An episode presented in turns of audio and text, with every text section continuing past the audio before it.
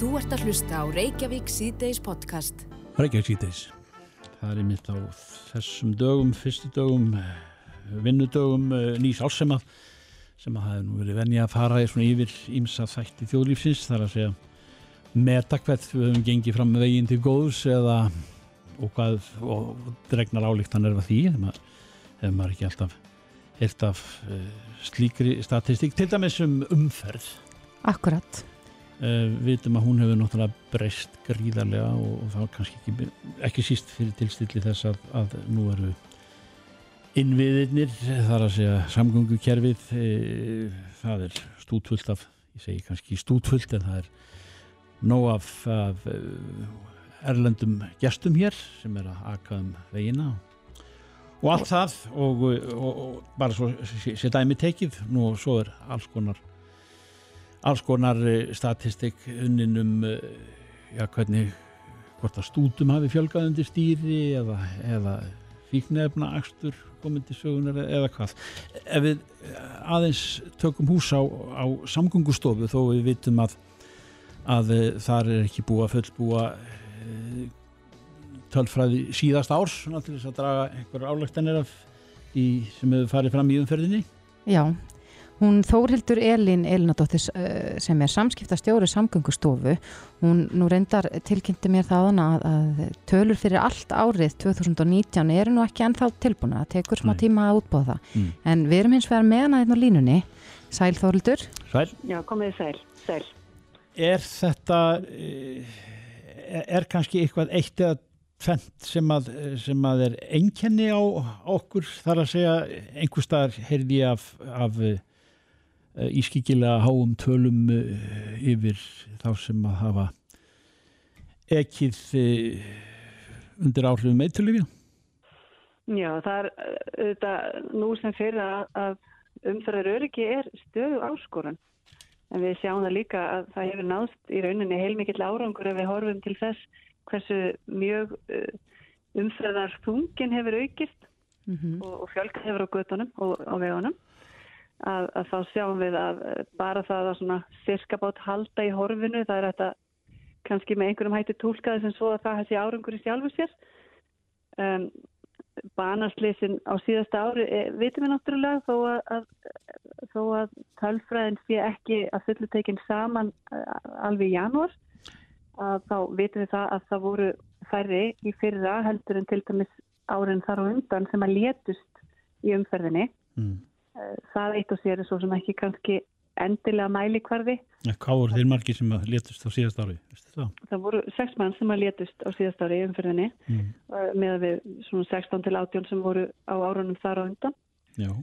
Uh, sem er auðvitað jákvægt að við sjáum fækkun þarna en við vitum að það er kannski bara einsás fækkun sem getur alltaf, þetta er ekki árangur sem að helst að sjálfu sér mm. eða við helst að sjálfu sér en, en við höfum skoðað svona ímsa þætti í, í slisa tölfræðinu og það sem hún nefnir varðandi uh, slið sem að verða vegna, vegna þess að, að aukumærinu undir áhrifum annarkvort uh, áfengis eða, eða fíknirna eða jafnvel livsegil skildur að lifja.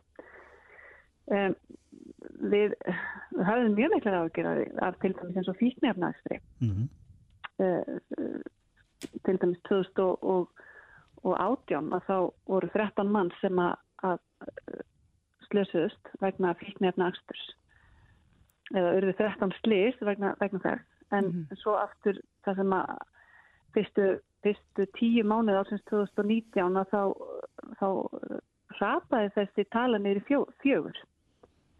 Um, þannig að við viljum þakka til dæmis bara aukinni meðvitund í samfélaginu, þetta er auðvitað samfélagslegt vandamál. Eh, fíknefna neysla og, og hún byrstist uh, til dæmi sem, sem uh, slísahætta út af vegum. Já. En samfélagi allt hefur tekið, tekið með tilsýn þessa miklu áskorun með, með samtali margra aðila, margra stopnana, ráðnetta, lauruglu, S.A.A. Það eru fjálmargir aðila sem hafa verið að tala saman og reyna að spórna við þessum ymsum hætti. Mm. Og, og það að þessu, þessi, þessum slísum hafi fækkað núna síðast ári eða fyrstu tíu mánuði síðast árs það eru þetta bara mjög jákvægt og við getum fagnar því eftir, eftir stíganda árana þar á undan. Já. En hefur uh, umferðin og það er náttúrulega ymsir áhættu þættir breyst, þú sé ekki notað annar orð, með tilkomu já, fólks eða ökumanna úr öllum heimsornum sem að mm. kannski þekkja ekki til hlítar e, íslenskar aðstæður. Við talum ekki um eins og fariðin er núna. E, hefur áunist næjanlega mikil upplýsing eða e, í þessum efnum þannig að, að, að þannig að öryggi sé meira þegar þú kemur að, að bílalegu bílum eða erlendum ferðamennum á ferðalagi okkar dásamlega viðakerfi Akkurat Sko þetta er eins og bara eins og allt varðandi, varðandi umferðaröryggi. Þetta er áskorun og hefur verið. Það hefur verið lagt mjög mikið púður í það að upplýsa okkar erlendi gæsti sem að hinga að koma til að aka eh, um, um í rauninni þá sérstöðu sem Ísland hefur um, til dæmis varðandi aðstæður og vegum og í landslægi og, og, og það hafa mjög margir lagt hönd á pló í þeim efnum og, og bílalegunar ekki hvað síst en það hafa þau mikla hagstuna því að, að sjá til þess að bílinn og aukumöðurinn komi eh, heilt tilbaka. Og, og við sjáum alveg árangur af vissan hátt af því hér hefur umferðin sko markvaldast á, á svona síðustu áru með það sem áður var. Og uh, bara það að, að þó ekki fleiri, þó ég ætla nú ekki einu svona að segja að þetta hafi verið einhver svona miklar fanfarir, það eru, það eru svona nokkurn veginn uh, slísatölunar, slísatölunar hefur ekki fækka mjög mikið þegar heildina er tekið, en þegar við horfum til þess hversu mjög umferðin hefur aukist og hversu mjög fjölbreytnin í umferðinni hefur aukist, að þá sjáum við að það er að skila sér uh, fræðsla og forvarnir sem við hjá samgöngustofu viljum meina að, að sérunni Eh, besta ráði til þess að, að fækka slísum og alvarleika slísa. Mm -hmm. En það eru líka margar aðrar breytur sem að koma þarna af og, og uh, samvinnan er, er mjög mikilvæg. Uh, tæknithróun í aukutækjum líka vegna þess að, að það að sko, bílarnir séu orðnir tæknilega fullkomnari að það getur forða því að, að slís verði alvarlegt ef það verður en, en svona aukin vitund okkar um það að við erum ekki eina vegunum, það að deila veginu með öðru fólki, það, hún, svo vitund er kannski mikilvægast á öllu átt að því að, því að, að við hvert og eitt okkar sem erum á ferðinni, hvernig svo sem við erum á ferðinni, hvort við, sem við erum gangandi eða hjólandi eða akandi, mm -hmm. að, að það að vera meðvitið um okkar eigin ábyrg, það er kannski stærsta framfórasporið sem við getum tekið bara á hverjum degi. Já, og þessi vitund allra og eins og þú segir, fræðsla og forvarnir hafa skipt sköpum. En, það skipta mjög mjög máli, já. en í, hérna, þú er komið með tölur fyrir síðust, nei, fyrstu tíu mánu ásins 2019 er eitthvað svona já. þar sem að uh, er í raun og veru öðruvísi frá fyrri árum? Er eitthvað já, svona stjón sérð? það sem, það sem er gaman að nefna er að, er að, að segja frá því að ungir aukumenn sem eiga aðild að alvarlegum umfjöðsleisum mm -hmm. að þeim hefur fækkað. Já, þeim hefur fækkað Já, þannig að ungir aukumenn er að standa sig í rauninni miklu betur heldur en í allavega mín kynnslóð eh, gerða sínu tíma. Eh, það eru bara, eh, ungir aukumenn eru hérna gáðari heldur, heldur, en, heldur en áður, eru að fara, fara betur með ábyrgstína og þeir eru alltaf fá líka umfyrra fræðslu. Þarna sjáum við kannski bara hvað fræðslu og forvarnir er að skila sér vegna þess að, þetta fólk sem er að verða Eh, hérna, stíga til svona fyrstu spór, segja má, sem aukumenn. Mm. Eh, þeir, þeir hafa verið að fá umfæra fræðslu kannski frá blöytu baspinni í gegnum hérna, umfæra fræðslu, umfæra stofu áður og svo samgangustofu mm -hmm. og, og svo í skólum þeir eru að fá betri kennslu í, í, í aukurskólum af því að það er búið að bæta við einu stígi í, í aukurnáminu Þannig að allt þetta hjálpar til að gera uh, unga fólkið að svona betri aukumlum. Þá sem, sem er góður aukumæður, það er þá sem að, að þekkir ábyrð sína og ferir vel með hana. Svo langt sem að eh, tölfræði síðast ás næra þá, þá, þá er þetta þá er þetta einskert að, að, að unga kynsluðin hún er að gera bara bísna gott mót mm -hmm. unga kynsluðin er að standa því betur heldur en, heldur en að vara önnur sko Já, ég trúi því alveg sko Þannig að já, við getum allavega hort svona björnstum við hundi framtíðar með það en, en það eru vissulega alltaf verkefni í, í, í því að tryggja enn betur umfyriröryggi og þar, þar koma svo margir þættir til sögunar að, mm -hmm. og, og hvert og eitt okkar er eins og ég segi bara þáttakandi í því samtali Algjörlega. Þórhildur Elin Elinadóttir samskiptastjóri Samgöngustofu, þakka kærlega fyrir. Takk fyrir. Takk fyrir takk.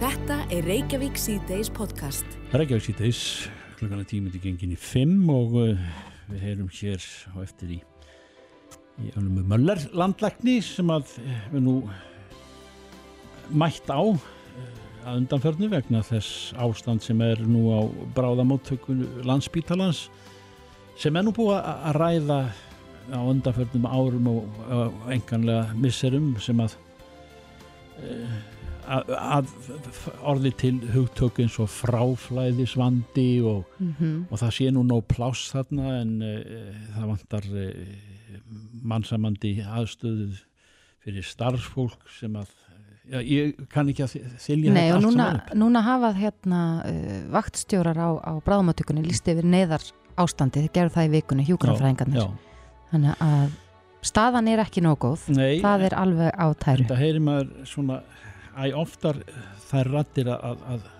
að, að það verði ekki það verði bara ekki við þetta ráðið. E einhvers konar framvinda að þróun er í gangi sem að sem búið að tala núnum uh, að miklum þunga mm -hmm. langan tíma en, en uh, því segir maður að, að landlæknir hefur settið fyrir svörum og, og, og það er svörin eru mörg. Sælalma og gleðilt ár.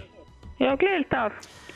Uh, Þegar maður horfið til þessa stóra verkefnis heilbyrðiskerfið okkar e, og þá sérstaklega tíðnefnda bráðamóttöku er, er við er við strand í þessu? Eða, eða það, það er ekki það er ekki eftir að drífa í nænu, þetta, þetta er nú bara orðið á göttunni, skilur þú Hva, hvar líkur hundurinn og allt, allt öll þau dýr grafin Já, þetta er auðvitað bara mjög eh, langstæður vandi sem hefur farið vestnandi og eins og kunnugt er þá uh, gerðum við ennbættið uh, úttækt á bráðumáttökunni fyrir rúma ári þegar sama staða var uppi og uh, við fórum svo aftur í eftirfylgni úttækt núna í, í síðsumar mm -hmm. Og þá sáum við að, að vandin sem er tvíþættur uh, annars verður vandin sá að það vantar uh, rými, hjúgrannrými þannig að fólk sem er að býða það fær ekki pláss og, og hérna þarf að vera of lengi á, á spítalanum. Í eftirfylgninni sáum við að þetta hafi lagast og það er vegna þess að það var blásið til sóknar í uppbyggingu hjúkranheimila síðastlið vor mm -hmm. og opnuð, opnuð allmörg rými á síðast ári. E, þau voru yfir 70 ef við mann rétt og, og sjúkrahótel auðvitað líka. En uh, hins vegar er vandin sá að það eru lokur um á landsbytala þannig að það gengur illa að koma fólki af bráðamóttökunni, altså þeim sem þurfa að leggjast inn, upp á deildir. Mm -hmm. Og þetta skýrist fyrst og fremst af skorti á hjókrunafræðingum og sjúkraliðum. Og þessi vandi hafiði ekki breyst þegar við gerðum eftirfylgn útækt. Og það voru auðvitað vonbreyði. En af því að staðan er eins og hann er núna þá veit ég að framkvæmdastjórn landsbytala er að setja mikla vinn í gang til einmitt að laga þetta mm -hmm. vegna þess að það er enga megin ásættanlegt korki fyrir sjúklinga eða stafsfólk að það sé á hverjum tíma kannski 30 sjúklingar á göngum og í alls konar aukaplásum á bráðmóttöku mm -hmm. þannig að við höfum bent á það með, að miklum þunga að þetta þurfi að laga og þetta þarf að gera núna strax og svo vinna er hafinn. Þannig að við erum að tala annars vegar um verkefni til lengri tíma eins og að byggja pjókrunarými en enn mikilvægar er að búa þannig um nútana að aldraðar getur verið sem lengst heima mm -hmm. með því að bjóða heilsueflingu, heimahjógrun, heimaþjónustu, dagdvalir og svo framvegis. Og það eru þetta líka verkefni til lengri tíma að bæta mönnun í kerfinu og það vantar auðvitað að bæta í hjá mörgum stjættum en inn í þetta verkefni er mikilvægast núna hjógrunafræðingar og, og sjúkralegar. Já þannig að með, þurfum... með auknu fjölda starfsfólks á þessum deildum það, þá myndi vandin leysast að einhverju leiti? Já, af því að það eru yfir 30 rúmlokuð á deildum þannig að þeir, en það eru líka 30 eitthvað sjúklingar sem eru að býða á bráðumóttökunni. Mm, þannig að fólk er að liggja of lengi á bráðumóttökunni, lengur en, en í raun og verið þau ættu, þannig að nýja sjúklingar komast ekki að. Það á við um sjúklingar sem þau eru einlagt, en ég vil taka fram að varðandi sjúklinga sem að þurfu ekki að leggjast inn, að þá fá þeir viðunandi þjónustu svona að meðaltali. Þannig að þeir eru ekki á deildinni, eh, þeir eru 5 klukkutíma á deildinni frá því að koma, þar til að fara heim og það er innan ásættanlegra viðmiða. En hitt er ekki ásættanlegt að mm. þeir sem þurfa að leggjast inn, þeir eru að býða oft að meðtali yfir 20, 23 klukkutímar. Mm. En Alma, það er sem sagt þetta eh, bráðfallega orð fráflæðisvandi eh, sem að, sem, að, sem að hafinn er unna við það að leysa. Já, það hófst þegar á síðast ári. Ég kalla þetta útskriftavandi. Fylgjöðu, já, breytið við því. Já, já eða, mér finnst það betra orð og, og það sem þetta var gert mjög margt á vegum ráðnins á síðast ári. Það voru þessi 79 hjókrunar hérna rými, mm. uh, það var, var sjúkrahótelið, það var fjölga dagdvaldarrýmum, það var eld heimahjókrun og, og svo framvegis. Þannig að það er bara, finnst mér í góðum gangi. Auðvitað finnst manni aldrei ganga nógu hrætt en eins og ég sagði í byrjun, þetta er mjög langstæður vandi, það gerðist lítið í uppbyggingu hjókrunaheimila í, í enn tíu ár en nú á svo sannarlega að, að bæta hann betur. En uh, það þarf að gera mikið í að ebla mönnun og eins og ég segi mest hjókrunafræðing og sjúkralega mm -hmm. og það finnst mér að gæti gengið heldur hraðar en það eru uh, fjórir hópar uh, sem er ríkistjórnin ákvæða að setja í gang núna, það var samþygt í águst, þeir eru á störfum. En í skýrslu, hérna, ég sá að þú tókst það fram hérna í kastljósi í vikunni að, að landsbytarinn hefðir hún ekki farið eftir þessum stærstu ábendingum sem komið fram í ykkar skýrslu.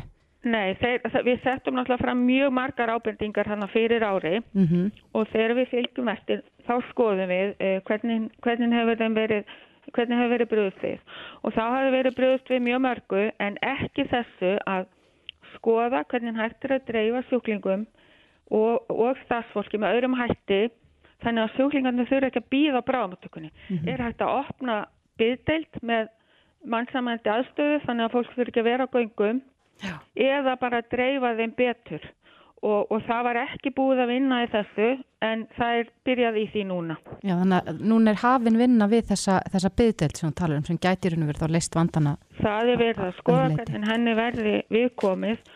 Það er gríðarlega erfitt á landsbytala að húsnaðið er svo erfitt því að svo þrengur stakku skorinn að það er erfitt að byrja með eitthvað nýtt því að það er alltaf eitthvað fyrir á sæðinu og hvert á það þá að fara. Þannig að það vinnur auðvitað ekkert með okkur að við erum allt of allt of sæn ég myndi halda 10-15 árum of sæn að byggja nýja spítala.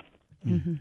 En e, þetta er nú hleyft að stað svona í ýmsum hornum landshornum líka e, þetta að, að það eru sjúkrarými út um land allt sem að eru lokuð eða það hefur breyst á sínum tíma eh, hvernig horfir það við til dæmis í, í Keflavík eða Akranis og Akureyri og, og víðar sem að, sem að er e, fórsendu fyrir góðri þjónustu til staðar hefur hef eitthvað slíkt verið ítt úr vörmið? Ekkert sérstatt verkefni núna, það eru þetta bara mikil samvinna við aðalega nágranna sjúkrásin í Reykjavík mm. að taka sjúklingar sem hafa geta útskrifast af, af landsbytala til dæmis hafa verið í aðgerð eða slíkt og, og þannig að það, er, það hefur verið unni með það mikið. Já, já. Alma Möller, landlagnir, uh, það er gott að heyra að það er komin hreyfing á það henda á málið svona í heilsinni henda, henda máli afar brínt og fátum mann að talað. Já, að... það hefur auðvitað verið stigvaksandi þungi í umræðum og álíktunum stafsmann og auðvitað þarf að taka það að fullri alvöru og, og það eru auðvitað hlustað. Og þú sagðir að upphafað að mæta á mér, það gerir það ekki, það mæðir á stafsfólki landsbytala fyrst og fremst auðvitað á ráþöra, við erum uh, stjórnsýslu og eftirlitsaðili en mm. það eru aðrið sem að þurfa að framkvæma. Þannig að það mæðir mm. Miklu meira á öðrum heldur en mér og ennbættinu. Já, við hvetjum þið samt til, til dáða í það að, að, að ganga hart fram í, þessu. Ég er nú að berja hérna um fyrirsögnu, já það er á DFF eh, starfsfólk landsbítalans að niðurlótum komið.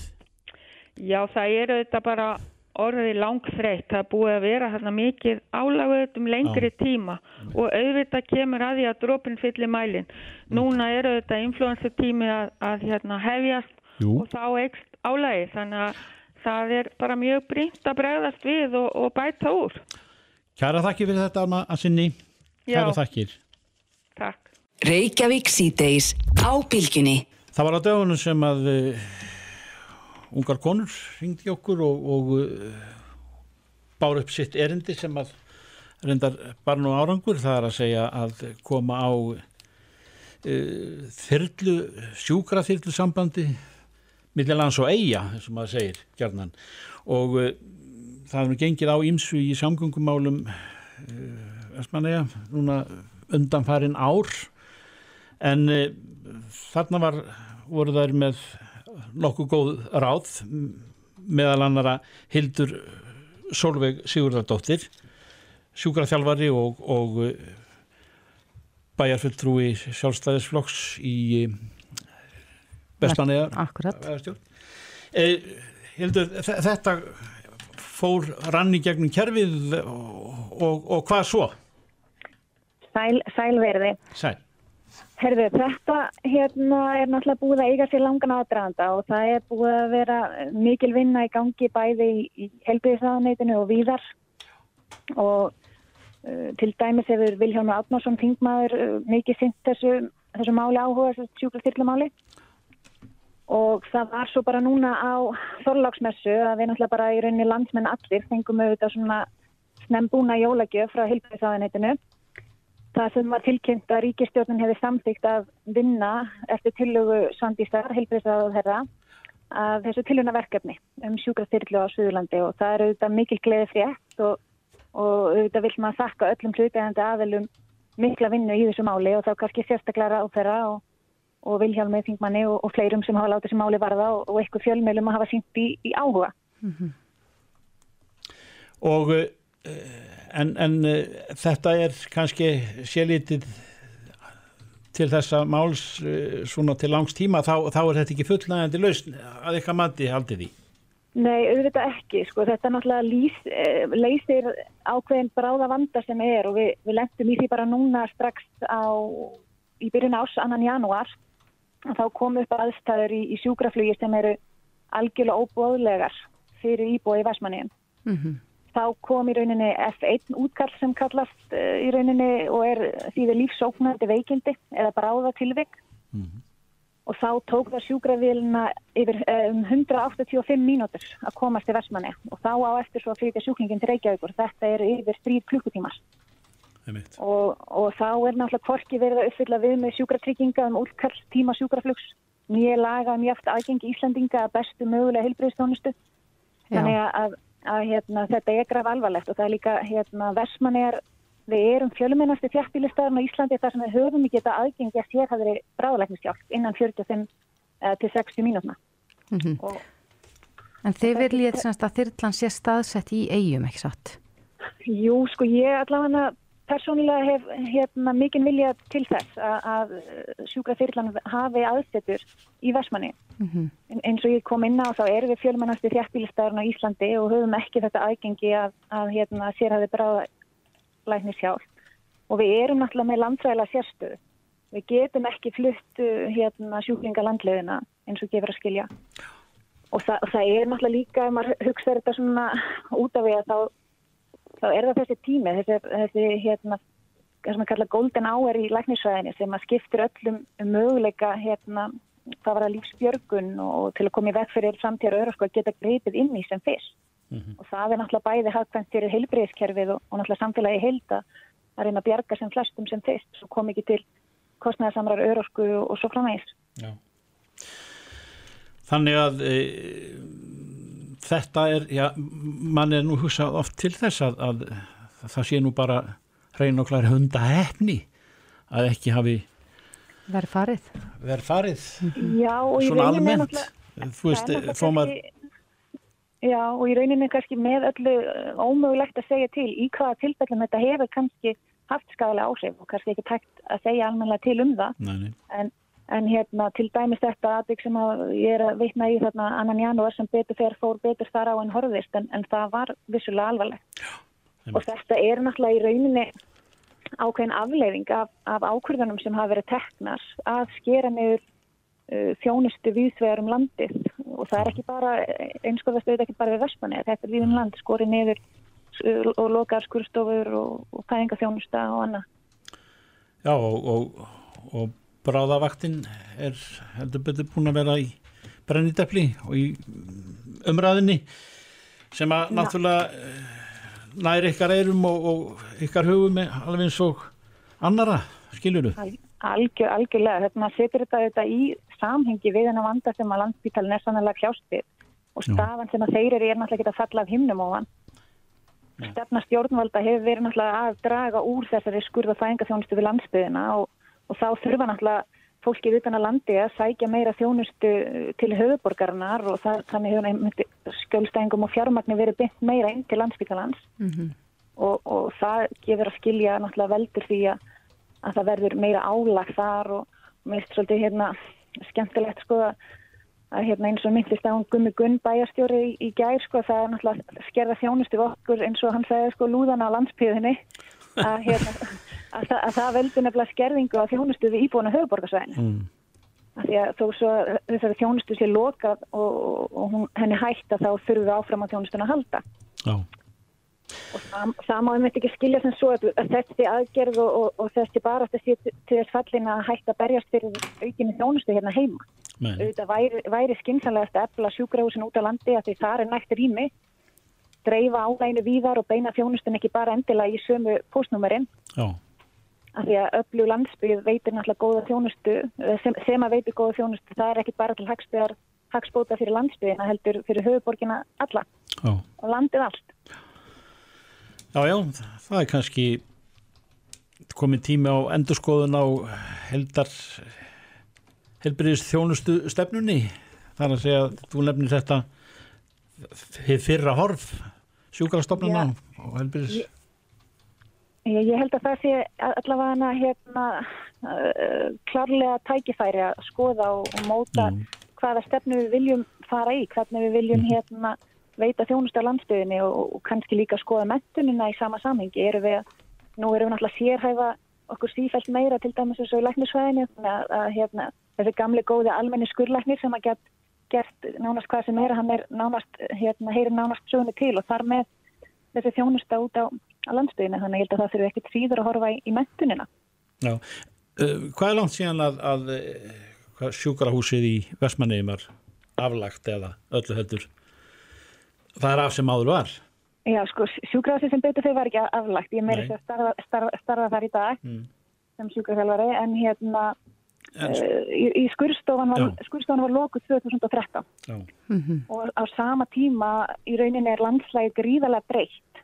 Uh, við erum alltaf að sjá fram á rosalega aukning í sjúkraflugi. Til dæmis á þessum tíma hefur sjúkraflug og þörf á því aukist um 73% og það gefur náttúrulega að skilja því, því ofta sem einhver þarf á, á sjúkraflugi að því ofta er velinn teft í öðru útkalli og tekur lengri tíma að veita þjónustu eins, eins og við lendum í þarna annan januar þegar það tók yfir þrjá klukkustundir að fá, að fá hérna í rauninni sjúkraflugvelina til Vestmanni að því hún er stödd á Akureyri. Mm -hmm og, og svo náttúrulega ferðarþjónustan komið til, í, til sögunar í setni tíð og, og allt það aukna álag sem því fylgir. Algjörlega þessi miklu, miklu umfang ferðarþjónustu og fjöldi ferðamanna er náttúrulega að setja meira álag á kerfið og, og eðlilegt að við þurfum að, að breyta og hérna bregðast við því. Einmitt. Hildur, Solveig Sigur, Sigurðardóttir sjúkratjálfari og bæjarföldur í Vestmanni hérna við getum ekkert annað sagt en bara gangi ykkur vel áfram í barátinni henn er ekki lokið, það er alveg auðljóst Alls ekki lokið, takk kærlega fyrir áhugan gaman að heyri ykkur, Já. góða helgi. Takk fyrir, bless. Bless, bless. Frettir og fróðleikur, Reykjavík síðdeis á Bilgjunni Jæja, Reykjavík síðdeis á Bilgjunni það var að dettin hérna frettin á BBC mm -hmm. Það sem að segir að þið hérna heyrðu þess að fréttum úkrænsku þótuna sem að rapaði Íran, Íran. Mm -hmm. En bandarisk leinithjónustu ja, bandariska leinithjónustu stofnani segjast að hafa heimildi fyrir því og sannanir mm. meðal hans og gerfin þetta myndum að þessi sko, þóta hefur verið skotið niður. Af, af Írunum að þeir hafi fyrir mistök skotið þótuna niður. Það var á 820 Íranir um borð. Já, já. Og? Þarna voru svíjar, mann ekki hvort þau voru 11 12-11 og, og byggust ég vel við fleirum. Já, þetta er ríkalegt þegar það var rétt reynist en, en þeir segjast það var sannanir.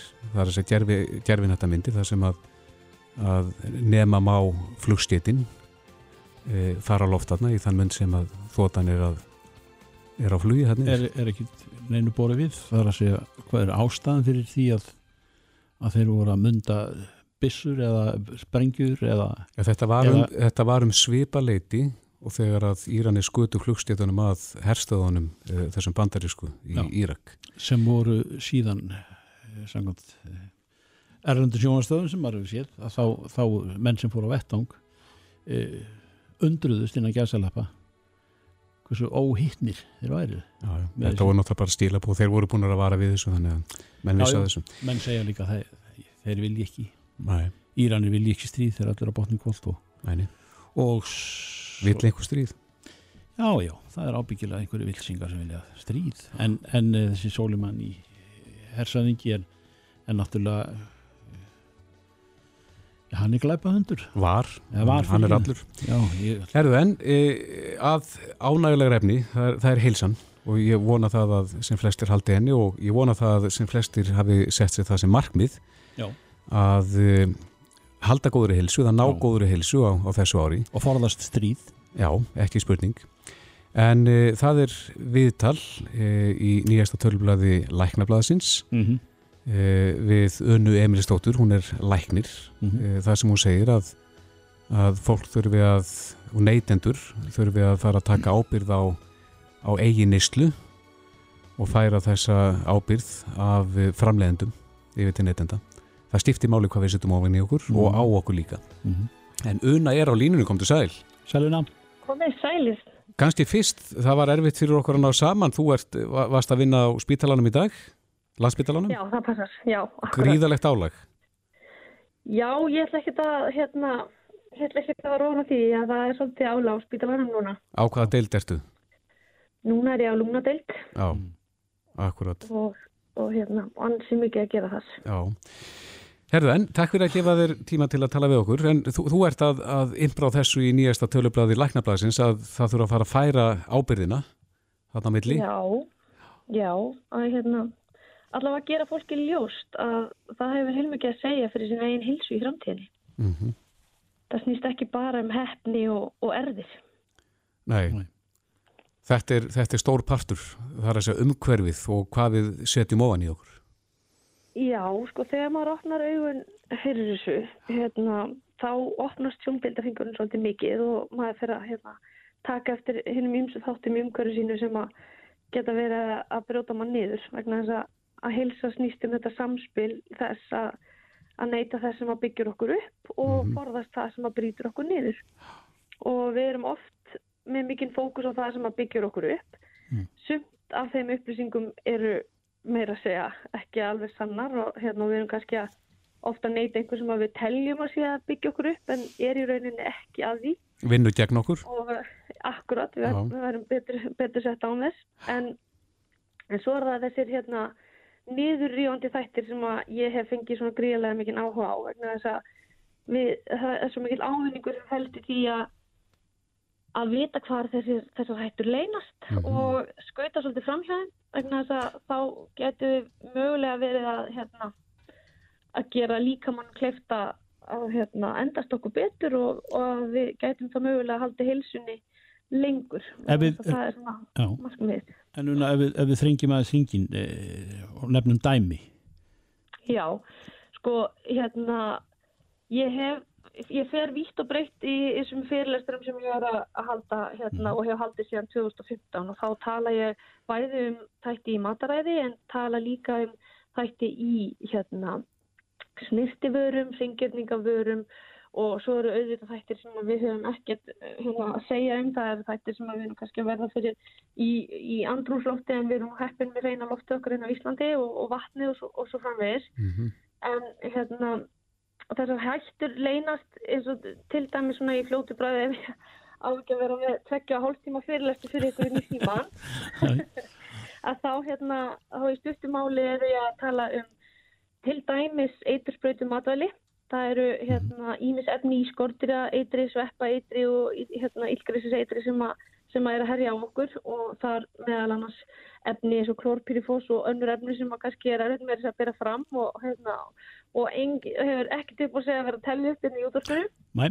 En, en það er hérna ímislegt að það gera bara með því einu af forðast hérna ó e, lífrannar vörur og reyna eftir bestu getu að velja þá þessar lífrannu og, hérna, og ég hef verið að rósa mikið nett og, og króninni fyrir það að auka hérna, úrvalið fyrir okkur hérna heima á lífrænum vörum bæði snýstivörum og ringendingavörum og matvælum mm -hmm. það er alveg frábært og hérna svo hefur við verið að tala um hormonatröfnandi efni í fyrirlestunum mínum þar á meðal bisunol A eða BPA sem að margir hafa eflust heyrst um það er svona eitt af þessum efnum sem hefur komist í umræðina Hvað er það helst að finna? Það er efni í plasti og uh, þetta efni sagt, er í rauninu hormonatröflandi og líkir eftir estrogeni í líkamannum mm -hmm. og, og við hefum helst að ágjöra því að það hafa áhrif á þessu hormonanæmu lífari og þá er jáfnvel hérna, eins og brjóst og uh, eggjastökka og blöðurhálskirtil og hérna og um, að því að brjóstakrafminn eru estrogen jákvæð og þalut eru líka hormonatröflandi og bísfenól A er að finna í plastinu og eins og ég sagt, er svolítið að vara fólk við í þessum fyrirlestrum, það er að þeir sem eru upplýstir og, og vita til dæmis að það er eitthvað sem heitir BPA og er í plasti að núti, þeir hafa stundum alveg sér BPA-frítt plast í staðin. Er þetta að finna hér þar sem má, má flytja þetta já, plast með þessu efni inn? Já, já, já. Þetta er að finna í næstisboksum og plastglössum og barnapelum og, og ég veit ekki hvað, hvað. Þetta er búið að vera á markanum lengi. Og, hvernig hérna, vitum við það að, að, já, hvernig vitum við það hvort að þetta efni sé að finna í til dæmis næstisboksi barnana? Það er mjög svolítið erfitt að vita það og það sem við vitum kannski hérna núna eftir að fókusum kom á þetta það er með það, sé, þá er það mert BPA frítt en það sem er ekki mert neinum efnum við, það er erfitt fyrir okkur að vita hvað er í plasti sem er hérna, flutt inn frá öðrum löndum og jafnvel í sko barna leikfengum og annað, þar hefur greinst BPA og, og meira sér blí hérna, hefur greinst í, í leikfengum barna þannig að það er ímislegt sem að er í vörum sem við getum ekki einu svona fengið upplýsingar um. Og þess vegna þetta... hefur einlega svara með veist, BPA frí plasti en svo kemur í ljós við nánari skoðun og það inniheldur þá mögulega BPS í staðin þannig að þá er ég myndið að ráðleika fólki bara að skoða aðra lausnir sem nota gler, glerlestisboks meira og, og, hérna, og forðast að nota, drekka heita drikki úr plasti og heita í örbylgu og svo frá meist En, en er þetta sem að Danir hafa gert í sambandi við börn og plast? Hafa... Sko Danir, já, sko það er nefnilega, finnst að skilja nefna það að það er neytendar á því Danmarku sem heitir Teik og þeir hafa verið svolítið að skoða þetta með barnaleikungin og meðal annars hérna tóku svona handahúskenda rannsókn á, á leikfungum og við minnir að það hafa verið 22 sem er rannsókuð og fundu blí í 19 vera.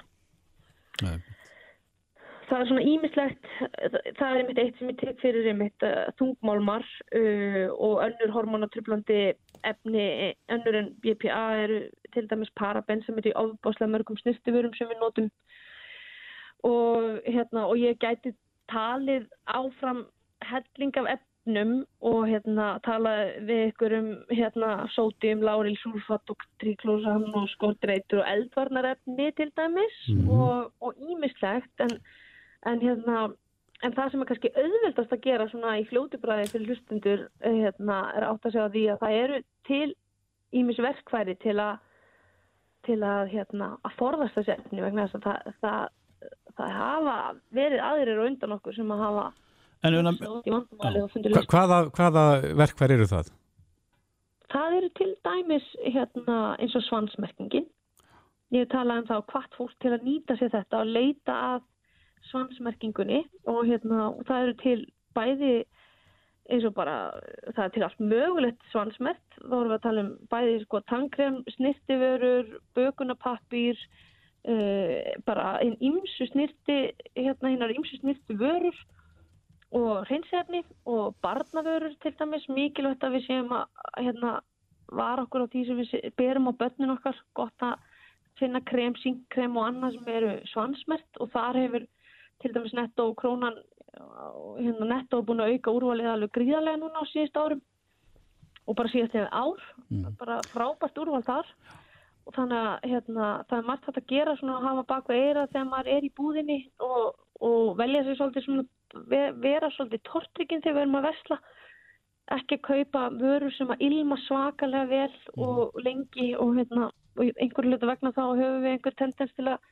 vilja vera alltaf ángandi eins og sápu og tyggjokúlur allan daginn En, hérna.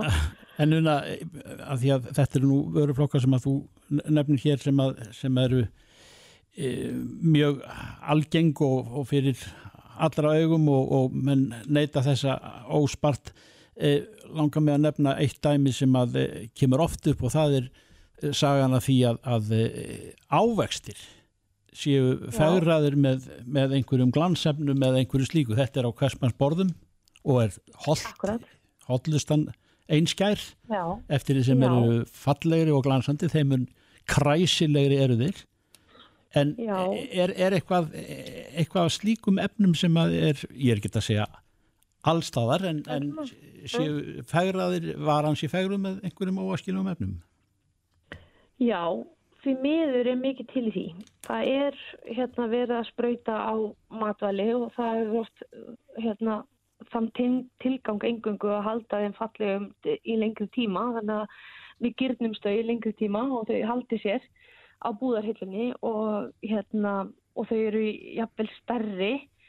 Þannig að hérna, við veljum frekar þessi stóru flottu eppli heldur en að taka þessi litlu sem er jafnvel óreglulega í læginu, þessi lífrænu en hérna það er þannig að það er verið að spröyta þá skortir eitri vegna þess að fólk sem er að rækta þessar vörur það er þetta bara að verja sína hérna uppskeru og, og það er því miður efni í þessum skortýra og sveppa eitur hérna spröytunum sem að eru að hafa slæm áhrif á okkur og þá um, í því samhengi þá er hérna finnst mér verðt að nefna prófessor sem ég hef verið að fylgja sem að heiti Filip Grantjan og er mikið að ymmit að skoða þetta. Hann er dansku prófessor og vinnur fyrir Suðdansk hérna, háskóla, háskóla nú Harvard og hann hefur verið að skoða efni í, í skortreitri sem heitir klorpirfós og, hérna, og verið að skoða áhrif á lítil börn og þá er hann búin að, meðal annars búin að gefa út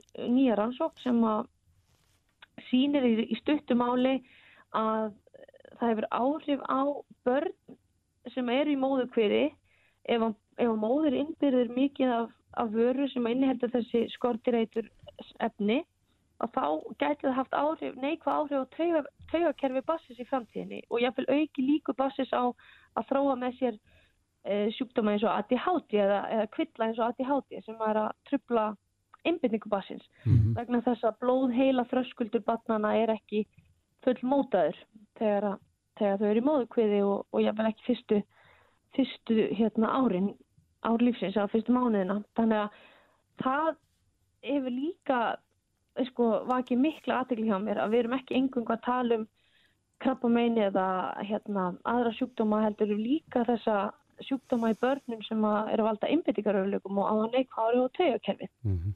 Þannig að það er margt sem maður ber að hugsa um og hafa baku eira þegar maður er að velja Já. matvæli og, og snittuverur. Við verðum greinlega að fá þig aftur síðar en kannski rétt aðeins í lokin. Uh, Já. þú segir að það þarf að færa ábyrðina yfir til neytenda, þeir þurfa að vera bara meðvitar um það sem þeir setja ofan í sig og á. Eh, það var mikil umræðan um það í Breitlandi núna fyrir stuttu að, að merkja matvæli með uh, þeim upplýsingu hvað viðkomandi lengi að ganga af sér hýtaeiningarna sem að fylgja eð, eða hlaupa. Nú já, þá, þá hýtaeiningarnar yngungu. Já, te tekur undir það að, að það var í sniðut að hafa það fyrirkomulag? Ég myndi ekki segja að það væri svona, nei, veistu, ég held að það sé svona fullflóki kerfi og, og hef ymmit verið að ymbra svolítið á því að við eigum að hugsa meira um innihaldið og hérna, næringarefnin, hvað er það sem byggjur okkur upp mm -hmm. í stað þess að hugsa einungi sem það hvort eitthvað sé við séum að fitna af einhverju eða ekki vegna þess að auðvitað skipta það máli að halda kjörþing en þegar maður hefur hérna, svona, svona eðlilega hugsunga hvort mat og, og neytir bara matar í hófi við vitum hefum ekki að borða of mikið af sykri og ekki of mikið af kolvetnum og, hérna, við kunnum svona þessi helstu atriði og bara kunna hérna að hafa ákveði hófi í þeim efnum að þá ættu við ekki að vera einblýna svona ofbúslega mikið af kalóriur Um, en það eru auðvitað mikilvægt fyrir suma en hérna, mér þætti þá frekar mikilvægt að, að hafa innihaldslýsingu á öllum matvölum nákvæma innihaldslýsingu sem ekki sem getur teist Rétt aðeins í blálógin er eitthvað app eða eitthvað vefsíða þar sem hægt er að slá inn vörur og sjá hvaða efni, hvort að einhver eitur efni séu í innihaldinu eða slíkt? Já, heldur betur. Það er til uh, síðan til að skoða til dæmis nýstufurur er hægt að skoða app sem heitir Think Dirty Shop Clean. og þetta app sýnir hérna bæði innhaldslýsingu og merkir þau rauð, gul eða græn allt eftir alvarleika málsins hvort það sé að hafa krabbáminsvaldandi áhrif, hormonatriblandi eða hérna, ónæmisvaka Think Dirty. Shop Clean Já, Já akkurat, já. bara hvert fólk til að kynna sér það mm -hmm. svo er til hérna, Healthy Living Skin Deep hérna, app fyrir þá sem er að skoða til dæmis hvers konar sólarverð eh, inniheldur eitrefni og fólk er að fara til útlanda og, hérna, og allar að bera á sig sólarverð mm -hmm. svo er til app sem að heitir The Chemical Maze og ég verði að vikna að ég er ekki búin að kanna nákvæmlega hver, hver er að baki að því, svo stendur baki það app og, en mér skilst að þetta sé hérna app sem veitir leiðbynningar um aukafni í matvæli mm -hmm. og snirtuverum og hérna, ég fann ekkert auðveldlega upplýsingar um áræðanlega appsins en ég veit að það byggir á bók sem að ber sama nafn og hefur verið endurútgefið mörgum sinnum ah. og almennt fengið góða dóma þannig að það ætti að vera Ætlar þú í næstu framtíðun að halda námskeiðum þetta? Já, svo sannarlega og ég ætla að setja upp heimasíðu það er margir verið að hérna, senda mig skilabóð og hafa samband og, hérna, og við stefnum á það, já heldur betur, það er greinilega hérna, mikil áhugi og ég er gríðilega þakklátt fyrir það vegna þess að við finnst aðeinslega gaman að bera bóðsköpun áfram. Já, við þurfum að fá þig greinilega aftur fljótlega, Una Emilstóttir Læknir. Kæra þakki fyrir spjallið. Takk. Já, takk alveg fyrir mig. Blæs, blæs. Reykjavík síðdeis á bylginni. Herðu en aðeins að bruna í bíl. Já, Stavanger var Já. logandi að það er að segja bílagemsla við hljóðinu flugvöldinum í Stavanger. Já, fyrstu fréttir hefndu að þar hafi kveiknað í rafbíl út frá tengingu en það er ekki rétt. Þetta var dísilbíl? Já, e, þetta voru 300 bílar sem brunnuð þarna. E, og þeir réði ekki eitt neitt. E, og, og kalla eftir kalla eftir já, auknum brunavörnum þegar kemur að svona bílagemslu en, mm -hmm. en ég veit ekki, það hefur loða við það. Er, er, er einhver öðru, öðruvísi íkveikju hætta þegar að ramaspílar annars vegar bara yfir leitt eða bensínbílar? Eða er þetta kannski bara bara orðspór sem er engi fótur fyrir. Mm -hmm. Við erum komin í saman til Davís Norrason hann er sviðstjóri Brunavarna hjá Húsnæðis og Mannverkjastofnun, kom þú sæl? Já, sælir. Já, fyrstu fréttir hendu að þetta hefur verið rafbíl en, en eh, við nánari skoðun að þá reyndist þetta að vera díselbíl sem að kviknaði þarna en tjóni var gríðarlegt. Já, já, þetta var rosalegt tjón og já, það virtist vera, samkvæmt þarna heimildum virtist vera að þetta hafi verið Opel Safira eldri díselbíl mm -hmm. sem hafi brunnið þarna verið upptök brunans. Já, og síðan gerist það að eldurinn læsist þarna í nærleikjandi bíl og þetta breyðist mjög hratt út. Já. Er, er það meðal annars vegna þess að þarna er kannski meirlutin bensín og dísilbílar sem að auka á eldhættu? Já, það er bara almennt að það er mikið brunála í bílum og það getur verið allt frá kannski 2,5 megavöttum eða upp í 7, jável eftir þessu stærri bílar og aðal atriði er að reyna að koma í vekk fyrir að eldur þegar bíl brennur, að eldur fari frá einu bíl yfir í næsta mm -hmm. því þá eins og þarna er ekki í vassókerfi í þessari bílagemslu eldur var þetta OP bílastæðahús og þarna virtist bara eldurinn komin í svo marga bíla þegar slökkulugu kemur á staðin að þeir ráð ekkit við aðstæður mm. Er það kannski, verður það kannski liðin tíð að, að, að svo nefnd opinn bílastæðahús séu eitthvað sem að á að vera eða ekki? Já, það, hérna, það er náttúrulega, þetta tekkist við það og þetta er reyndar stálgrindarhús að mér skilst þarna mm. í þessu í stafangar og stálið er náttúrulega viðkomara líka fyrir hittunum og það er að vera varið sérstaklega. Og þeir allan í Nóri eru strax fært að sko huga því hvað það er farið úr skeiðis og hvort það með þurfa að breyta reglum eða slíkt. En það er heimilt að byggja svona opinn bílastafus í Íslandi. En við náttúrulega notum meira steift burðverki sem hefur aðeins umfram brunavörd þegar kemur að hýta árun. Mm -hmm. En uh, svo hlýtur að stifta máli hversu þjætt bílarnir hérna sitja upp í hvern annan? Já, já, en það, svo sem, hérna, það er allir að spara plossið og, og hérna, e, það er ekkit, væri kannski ekki eh, mikil vilji fyrir því að hafa mikil bíl á milli bílana, þessum að mm. þetta er mjög verðmætt ploss, en e, þegar maður eru með vassókerfi í bílgemislum, þá hérna uh, kemur það í veg fyrir eða semst, hindrar að eldurinn fari svona hratt á milli. Það verður bara eitt bíl að alelda yfir tendurinn í einu bíl og heinir skemmast uppið en hugmyndin er svo að reyna að koma í veg fyrir að, að næsti bíl verði, uh, verði alelda við hlýðina. En eru, eru við að, að tala um það að, að það sé minni eldtætta af uh, ramaspílum? Er þetta fullir af það? En það er allan að kannski ástur að koma betur í, ljós, þannig að mm -hmm. tölfræðin fyrir að skýrast. En e, það held ég ekkert, að, ekkert að óttast með rammarspíla, menn voru mjög hrættir bara við nýjungar og hrættir þegar kemur eitthvað nýtt inn. Já, já. Og það er auðvitað þegar það er, e, brenna, þegar rammarspíla brenna, þá getur verið að kveikna aftur í rafluðunum, rafluðun undir bílum.